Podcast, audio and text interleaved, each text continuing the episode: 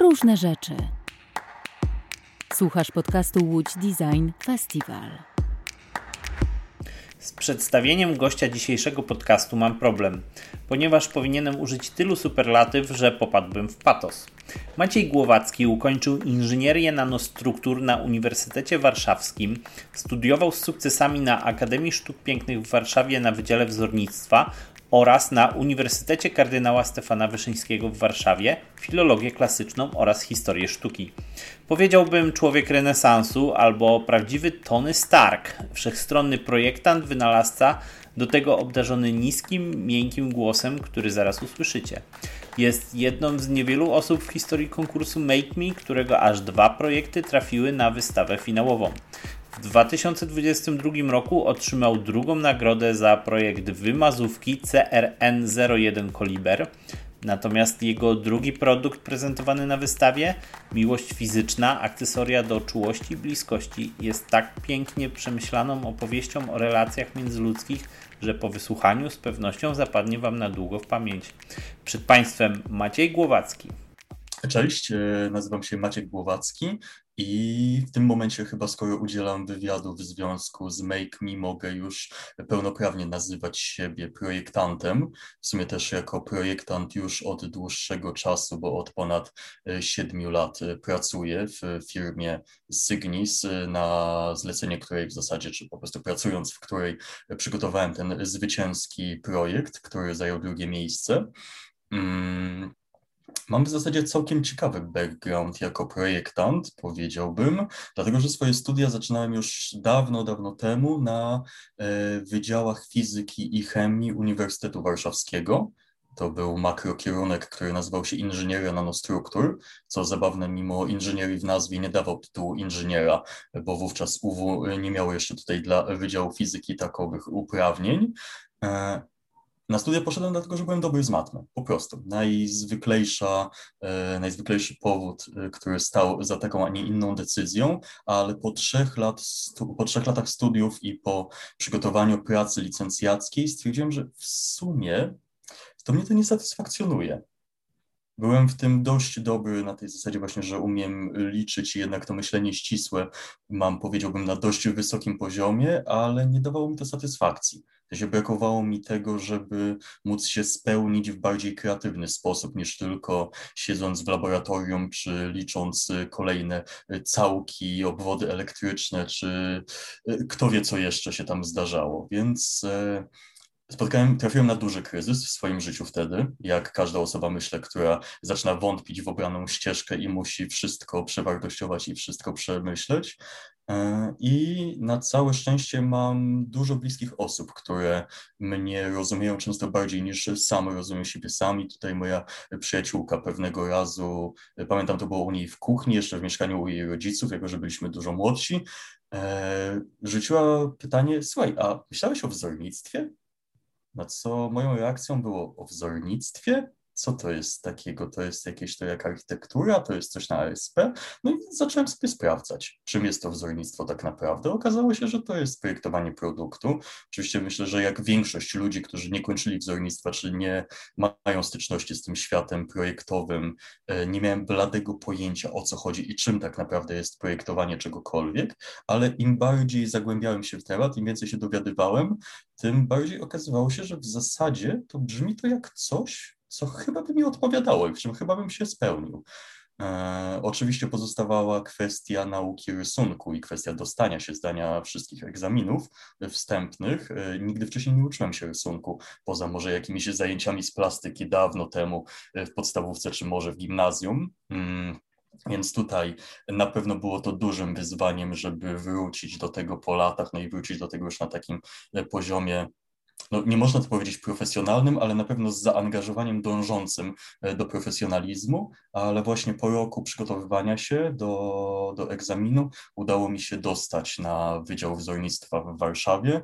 E, za pierwszym razem miałem to szczęście albo miałem tę determinację w sobie, że upór był wystarczający do tego, żeby się przygotować odpowiednio No i trafiłem właśnie na te studia. Studia udało mi się e, skończyć w zeszłym roku. We wrześniu się broniłem. Właśnie moja praca dyplomowa e, Miłość fizyczna, akcesoria do czułości i bliskości e, też trafiła do finału Make Me, co, co bardzo mnie cieszy i uważam, że to jest niesamowite wyróżnienie.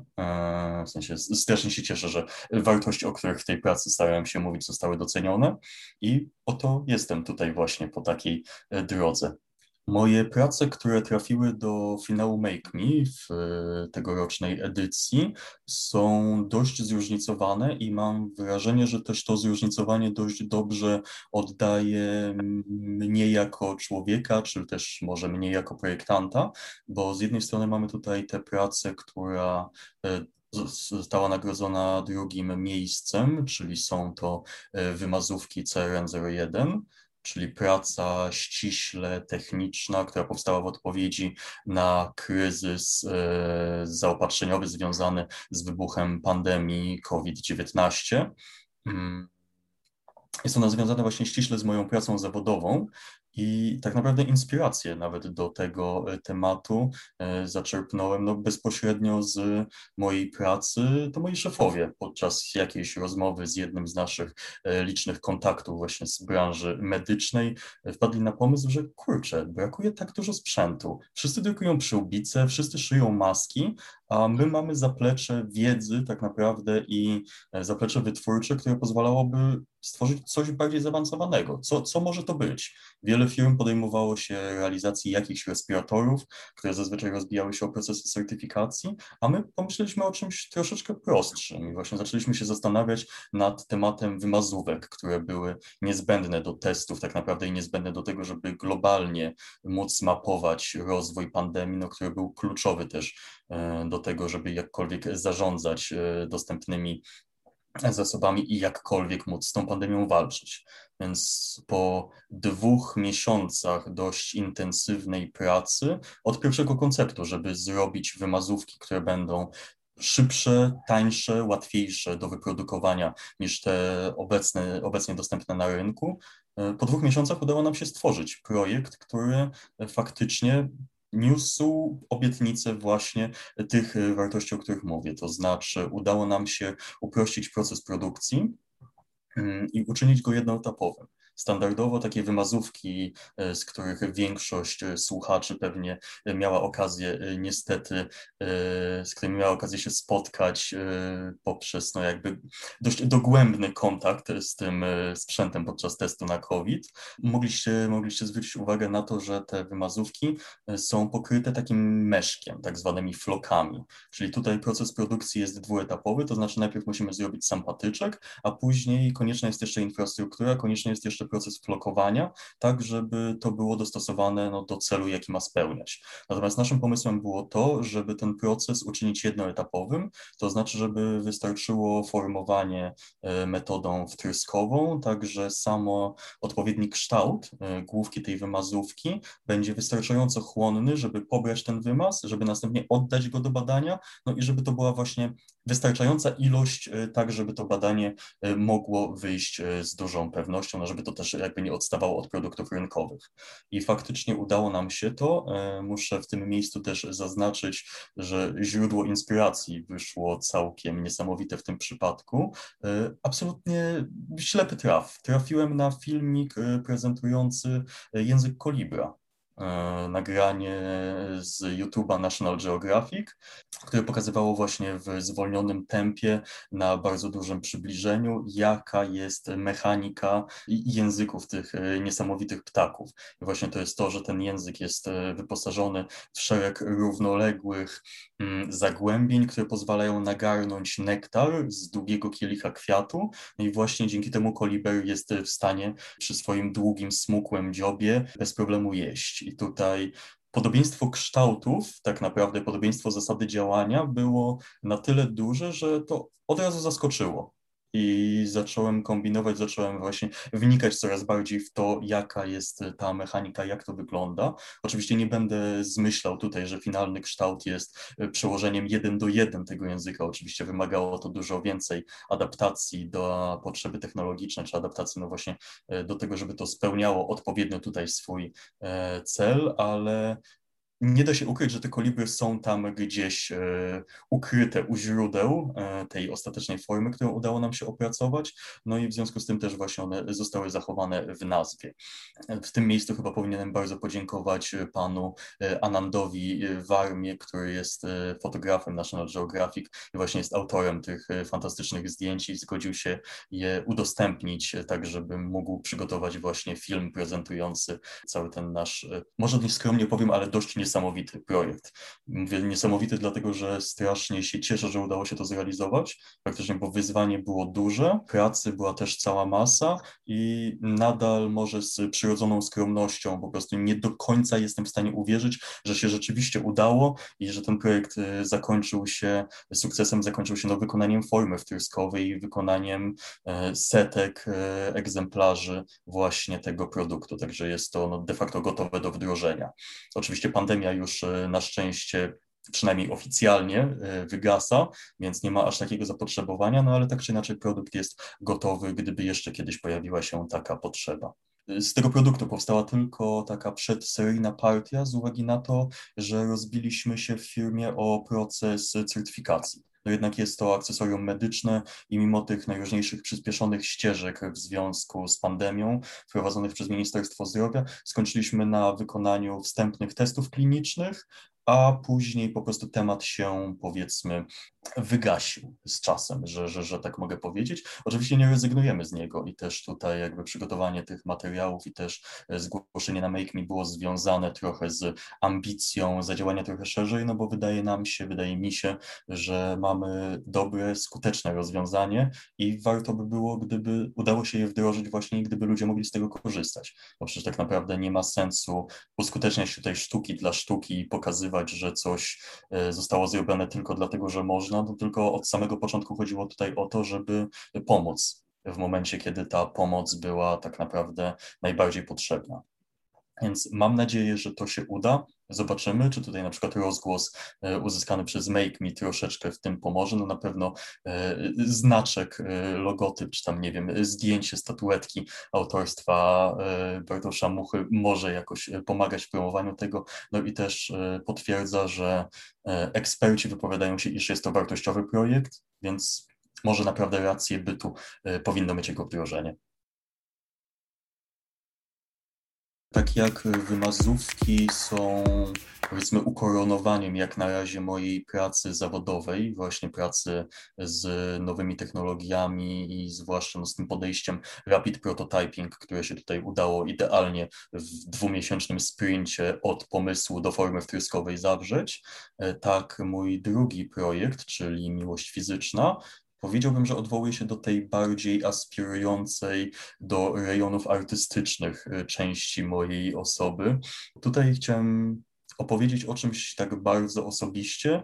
E, chciałem w ramach swojej pracy dyplomowej, którą właśnie jest ten projekt, znaleźć problem, jaki uważam za palący i spróbować zaproponować jakieś rozwiązanie dla tego problemu. I właśnie w toku, w toku prac nad, nad znalezieniem w ogóle tematu dyplomowego mm, zacząłem myśleć o sytuacji współczesnej edukacji seksualnej, która no niestety nie tylko w Polsce jest na dość opłakanym poziomie, tudzież w ogóle nie istnieje. I idąc dalej, zacząłem myśleć również o tym, jak wyglądają współczesne związki międzyludzkie, jak wiele e, par potrzebuje terapii do tego, żeby się jakoś porozumieć, jak wiele zdarza się rozwodów już w zasadzie wśród e, przedstawicieli mojego pokolenia i znajomych, nie mówiąc o pokoleniu rodziców, czy też właśnie jak ogólnie na świecie wszelkie wyniki badań i sondaży pokazują, że coraz więcej młodych ludzi nie jest zainteresowany wiązaniem się z drugim człowiekiem, nawet e, wiązaniem się takim związanym no, czysto z seksualnością, o której w dyplomie opowiadam, z uwagi na to, że jest to zbyt męczące, zbyt stresujące i ogólnie nieopłacalne, jeżeli chodzi o niezbędny wysiłek i to, ile można z tego, e, z tego wysiłku mm, korzyści uzyskać. Więc uważam, że jak podlejemy to jeszcze pornografią, jak podlejemy to jeszcze seksualizacją w zasadzie wszystkiego w popkulturze, czy nawet y, w reklamach blachodachówki na drogach wylotowych z miast, to obraz jest dość przerażający. I im bardziej tutaj wnikałem w ten temat, oczywiście jak zacząłem myśleć o nim produktowo, y, moje myśli skierowały się na wszelkie akcesoria erotyczne, które są już dostępne. Mm, I muszę szczerze przyznać, że tak jak byłem na początku dość zaniepokojony stanem seksualności, im bardziej, im głębiej wchodziłem w to badanie rynku akcesoriów erotycznych, tym większe ogarniało mnie przerażenie. Jakby ludzka inwencja naprawdę nie zna żadnych granic, ale są takie rejony, w których ewidentnie mogłaby jakieś granice poznać.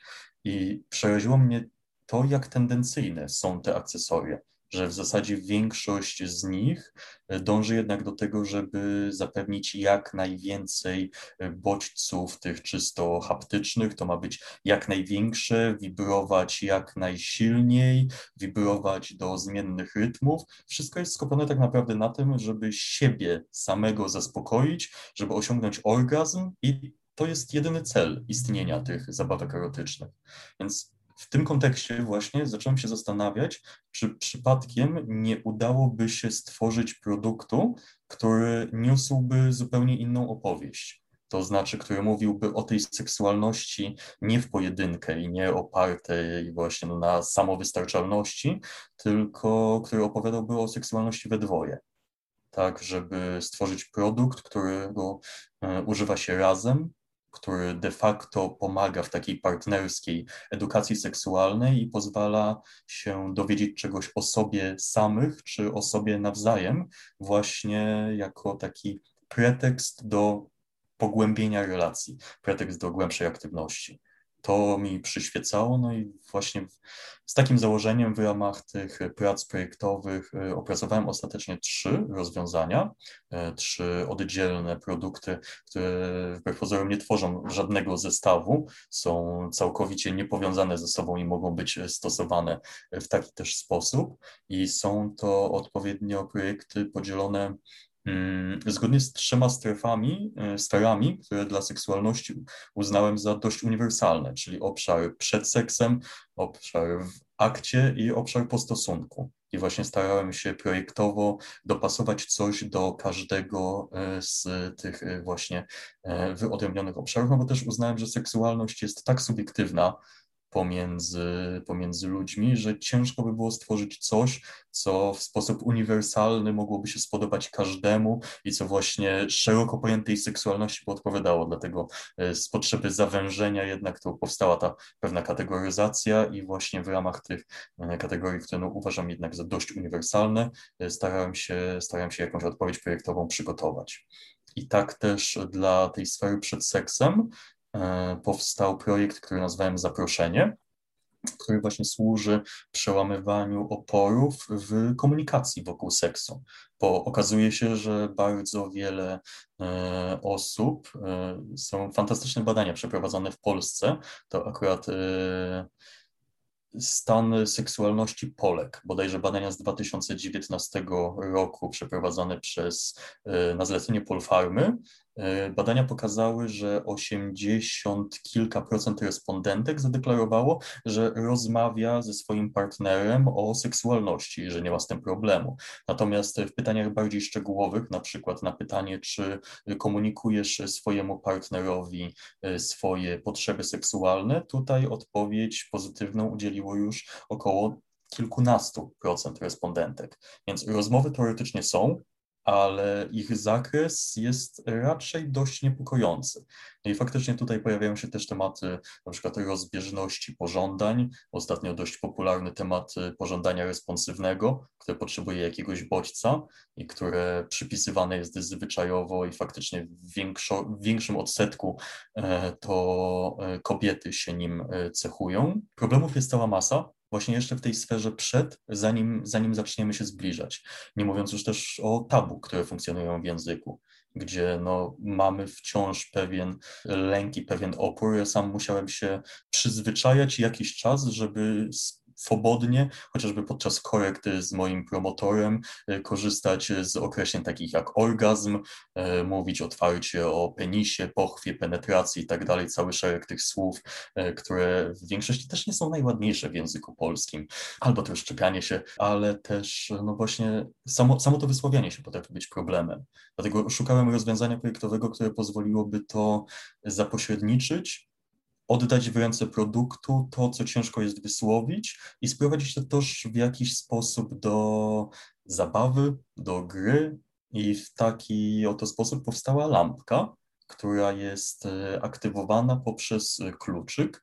Lampka przypomina kwiat, który zapraszająco rozkwita, to znaczy jedno z partnerów może przy każdej myśli seksualnej o drugiej osobie dokładać pojedynczy e, płatek, wabiąc klucz, który jest w formie pszczoły. Starałem się tutaj właśnie zrealizować to z dużym e, przymrużeniem oka, czy też po prostu spuszczeniem oka do użytkownika, tak, zagrać na tych wszystkich rozmowach o pszczółkach i kwiatkach, terminach typu byzykanie i tak dalej, a też samo dokładanie płatków. E, zainspirowała mnie tutaj ta gra w Kochanie Kocha, jako że też bardzo często ta niepewność seksualna i te kompleksy sprawiają, że potrafimy wątpić w zaangażowanie czy swoje, czy partnera i właśnie to, czy wszystko jest w porządku w związku, więc to zwątpienie kocha, nie kocha wydaje się być całkowicie adekwatne, a tutaj stwierdziłem, że jest to super okazja do tego, żeby odwrócić porządek e, tej gry, to znaczy kwiat nie jest niszczony, tylko jest właśnie e, budowany i wabi do tego, aby uzyskać potwierdzenie,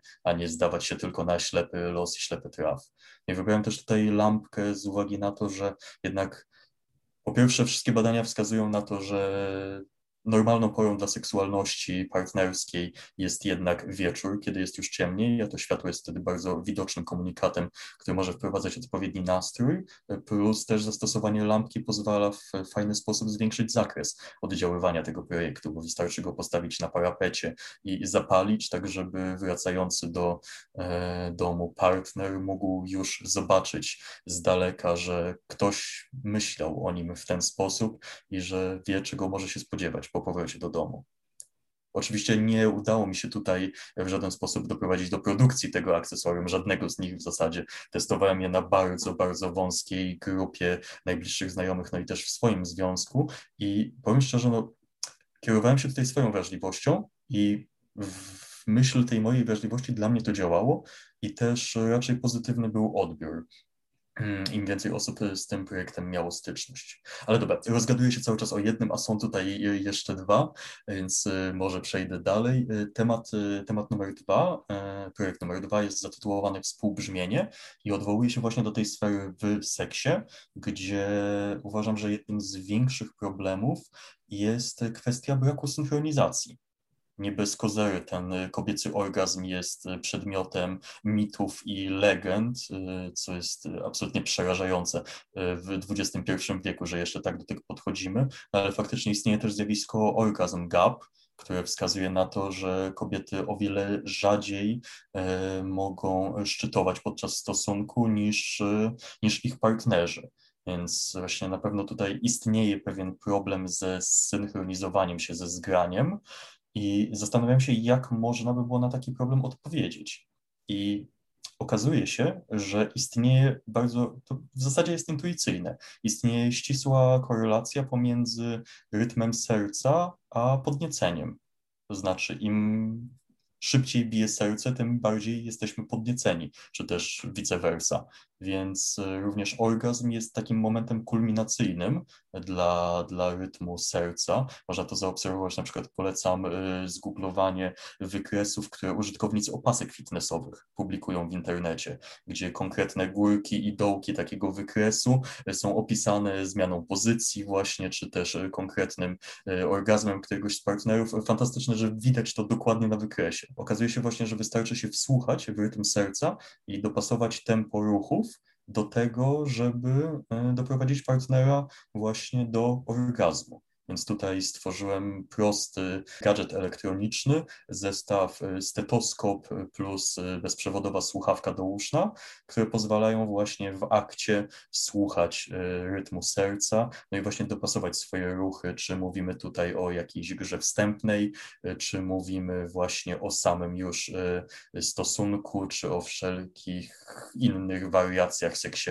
oralnym, manualnym, etc., etc. W, każdej, w każdym z tych kontekstów kontekstu w zasadzie to bicie serca pozwala się idealnie dopasować ruchami do, do tego, jakie jest tempo organizmu partnera. Też oczywiście jest to akcesorium, które nie jest dedykowane tylko do samej seksualności. Spokojnie można tego słuchać na przykład dla wyciszenia przy zasypianiu gdzie no nie ukrywajmy, że zasypianie komuś e, z głową na klatce piersiowej może nie być zbyt komfortowe dla tej osoby, a tutaj wystarczy sobie dokleić na piersi taką małą pchełkę e, silikonowym plastrem i można się właśnie też e, w ten sposób wyciszyć. Tutaj wydaje mi się, że istotne jest wspomnienie właśnie przy tym projekcie, bo jak się tego słucha, tak jak sam słucham teraz swojej narracji, to wydaje mi się, że można zadać sobie pytanie, no dobra, ale to właśnie dlaczego po prostu nie przyłożyć ucha do czyjejś piersi? Ja absolutnie uważam, że to jest dużo lepsze rozwiązanie. Właśnie, żeby być ze sobą, żeby się wsłuchiwać w ten sposób, czy nie korzystać z żadnych lampek i pszczółek, tylko po prostu ze sobą rozmawiać, ale mimo wszystko z jakiegoś powodu tego nie robimy. Więc myślałem o tych projektach, które przygotowałem jako właśnie takim pretekście prowokacji do tego, żeby pomyśleć, żeby się może zastanowić i żeby też właśnie podejść do tego tak, że w zasadzie każdą z tych rzeczy da się zrobić metodą DIY. Wystarczy właśnie przytknąć ucho do czyjejś piersi i zacząć dotykać jego skóry, zobaczyć właśnie jak zmienia się e, tempo, tempo bicia serca pod nawet takim naj, najlżejszym dotykiem. To jest coś niesamowitego i naprawdę gorąco e, wszystkim polecam, bo to też naprawdę działa. Tutaj ten projekt e, był na pewno testowany, były realizowane prototypy i faktycznie ta domyślona tutaj zasada działania się sprawdza i naprawdę gorąco każdemu polecam. Najpiękniejsze najważniejszym chyba e, wymiarem funkcjonowania tego obiektu było to, że wzruszenie potrafi być na tyle silne, że w zasadzie niweczy całą seksualność.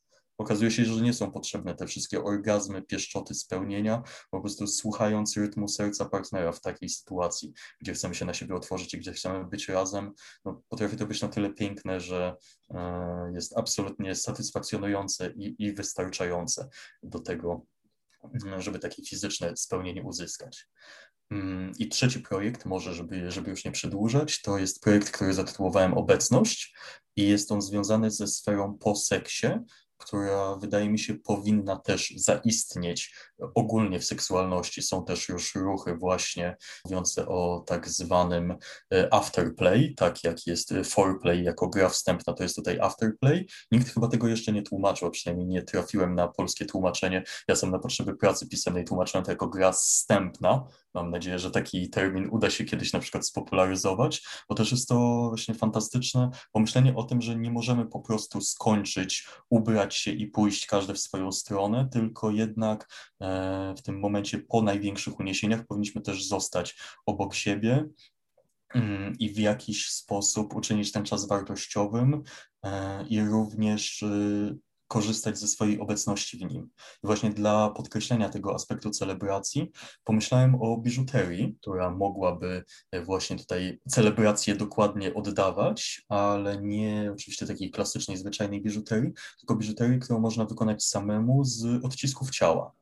Więc przygotowałem zestaw, w którym z prostej e, śnieżno-białej glinki kaolinowej, która jest absolutnie nietoksyczna, można przy pomocy odpowiednich nakręcanych na biżuterię adapterów e, uzyskać właśnie odciski dowolnych e, fragmentów ciała, które u naszego partnera lubimy, czy są to zmarszczki mimiczne, czy jest to jakiś charakterystyczny pieprzyk, blizna.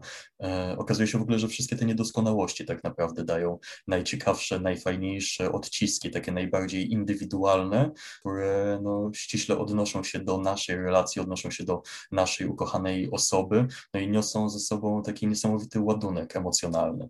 Celowałem też w to, żeby ta biżuteria była jak najbardziej mm, cicha i nienachalna, tak żeby jej seksualne konotacje były w żaden sposób niedostępne i faktycznie e, nawet na swojej obronie miałem odciski genitaliów. Wydaje mi się, że one pojechały też na wystawę Make Me i założę się, że nikt absolutnie z patrzących na te obiekty nie pomyślał o tym, że właśnie taki, taki odcisk się tam znajduje, a no, wystarczy tylko i wyłącznie taka wiedza, ta forma jest czysto organiczna, taka naprawdę bardzo, hmm, dopóki się nie wie, to się tego kształtu, tej, tej formy, tego odcisku tam nie zobaczy, a same te odciski mają w sobie na tyle duży ładunek emocjonalny, że muszę przyznać, że z dużym zdziwieniem robiłem nawet po dyplomie porządek w prototypach i przerzucałem kilkadziesiąt, jak nie więcej takich odcisków i byłem po czasie, po kilku miesiącach w stanie z dużą pewnością stwierdzić, który e, fragment którego ciała był na takim obiekcie odbijany. Właśnie tutaj przygotowałem zestaw do tworzenia tych odcisków i szereg e, złoconych e, adapterów biżuteryjnych, które pozwalały właśnie zastosować te odciski jako pierścionek, jako wisiorek, bransoletę, spinki do mankietów, tak żeby to też było dostosowane do potrzeb jednej i drugiej płci.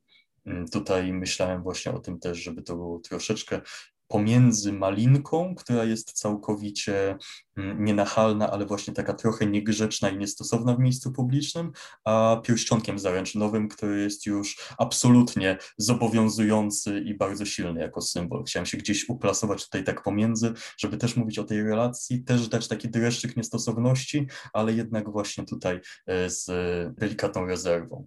I też e, biżuteria. Sporo się zastanawiałem nad tym. Strasznie nie lubię projektowania biżuterii bo uważam, że biżuteria, która no, jako taka nie ma określonej y, funkcji, y, ma tylko i wyłącznie ładnie wyglądać, a to jest żadna funkcja, przynajmniej w moim ujęciu projektowania.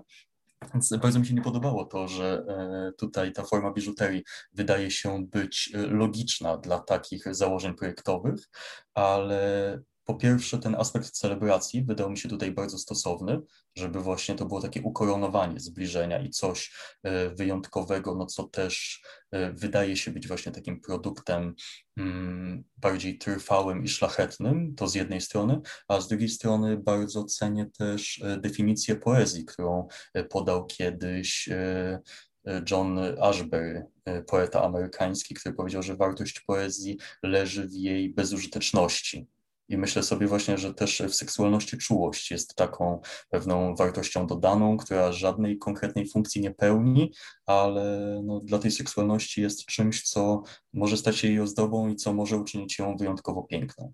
Myślę, że to jest tutaj dobra puenta i właśnie o tym w tym swoim projekcie dyplomowym chciałem opowiadać. Dotychczas na co dzień jednocześnie pracowałem na pełen etat i studiowałem dziennie na Wydziale Wzornictwa, co było dość wymagające i też dość męczące, zwłaszcza w czasie przygotowywania e, dyplomu. Tutaj myślę, że spokojnie można to określić jako pracę na dwa etaty, czy nawet więcej, ale też od za odkąd tylko znalazłem ścieżkę projektowania, to uważam, że jest to bardziej powołanie niż zawód i tym po prostu się żyje i wręcz trzeba tym żyć, jeżeli chce się to robić faktycznie dobrze. E, bez zaangażowania raczej takiego celu się nie uda osiągnąć. Więc e, właśnie na co dzień, teraz już na całe szczęście po ukończeniu dyplomu, po ukończeniu studiów, mogę się oddać tylko pracy zawodowej. Pracuję jako główny projektant w firmie technologicznej Signis SA Firma istnieje od 2013 roku, gdzie zaczynała jeszcze rok przed moim przyjściem od po prostu dystrybucji drukarek 3D.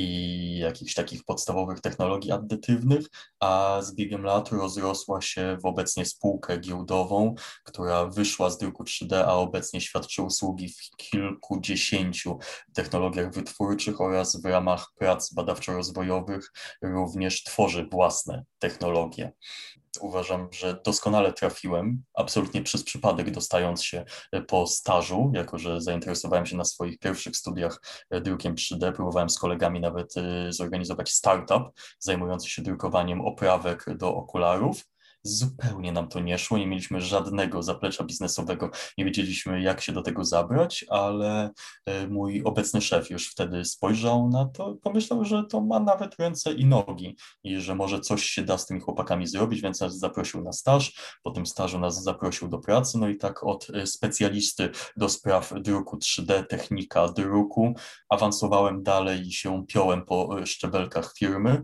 aż do zostania głównym projektantem właśnie wcześniej do prowadzenia działu wzorniczego. Właśnie niedawno prowadziliśmy e, szereg rekrutacji do tego działu. Dzisiaj miałem e, pierwszy dzień z naszą e, nową pracowniczką. Jeszcze w lipcu dołączają do nas kolejne dwie osoby, także dział się rozrasta, firma też się bardzo dynamicznie rozrasta i tak naprawdę ani przez moment nie spoczywa na laurach.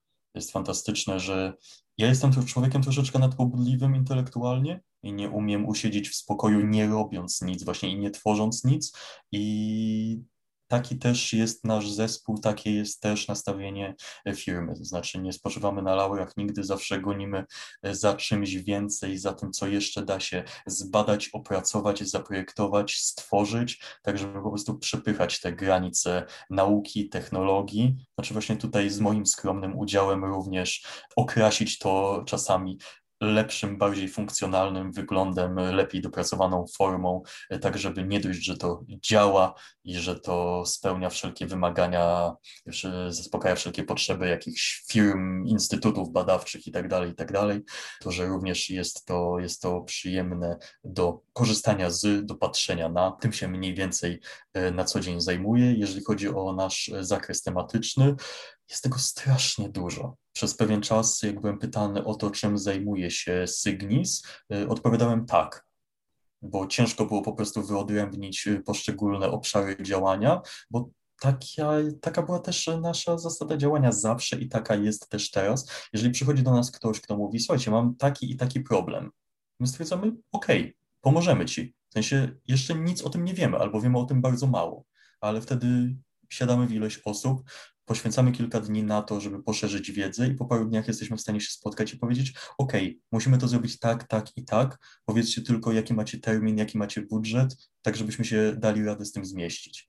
No i w ten sposób robimy projekty od biżuterii i mebli przez obudowy do maszyn. Ostatnio wchodzimy coraz bardziej w projektowanie UX-u i na przykład interfejsów do, do tworzonych przez nas maszyn, ale robimy też projekty e, z sektora medycznego, chociażby jak wymazówki, o których już opowiadaliśmy, czy teraz na przykład zaangażowaliśmy się w pomoc e, na rzecz Ukrainy no, w sytuacji toczącego się konfliktu i stworzyliśmy między innymi też metodą rapid prototyping w dość e, szybkim, dość, dość krótkim czasie e, funkcjonujące opaski uciskowe, które wysyłamy masowo mm, już na front walk. Pracujemy też nad dronem, którym moglibyśmy wesprzeć, właśnie drukowanym 3D dronem zwiadowczym, którym moglibyśmy wesprzeć siły ukraińskie i tych projektów cały czas dzieje się niesamowita ilość. W zasadzie się śmieję, że nie mam żadnej stałości w pracy, bo nie wiadomo, co przyniesie każdy kolejny dzień, kto z szeregu znajomych y, i kontaktów biznesowych akurat do nas napisze, zadzwoni, wpadnie z jakimś tematem, którego po prostu będziemy chcieli się podjąć, dlatego że to jest tak fascynujące. Sami we własnym zakresie na przykład robimy drukarkę do szkła niskotemperaturowego, robimy biodrukarkę do druku narządów, ale robimy też na przykład drukarkę do past ceramicznych. I szereg jeszcze innych tematów jest na horyzoncie i nie mam żadnych wątpliwości, że będzie ich jeszcze więcej. Więc cieszę się właśnie mogąc pracować w takim miejscu właśnie i mieć jakiś wpływ na to, jak się e, działalność tej firmy, czy jak się jej usługi, jej produkty kształtują. Dziękujemy za wysłuchanie. Więcej odcinków naszego podcastu znajdziesz na www.lotsdesign.com. Działamy dzięki wsparciu Łódzkiego Centrum Wydarzeń, Urzędu Miasta Łodzi oraz Ministerstwa Kultury i Dziedzictwa Narodowego dzięki środkom z Funduszu Promocji Kultury.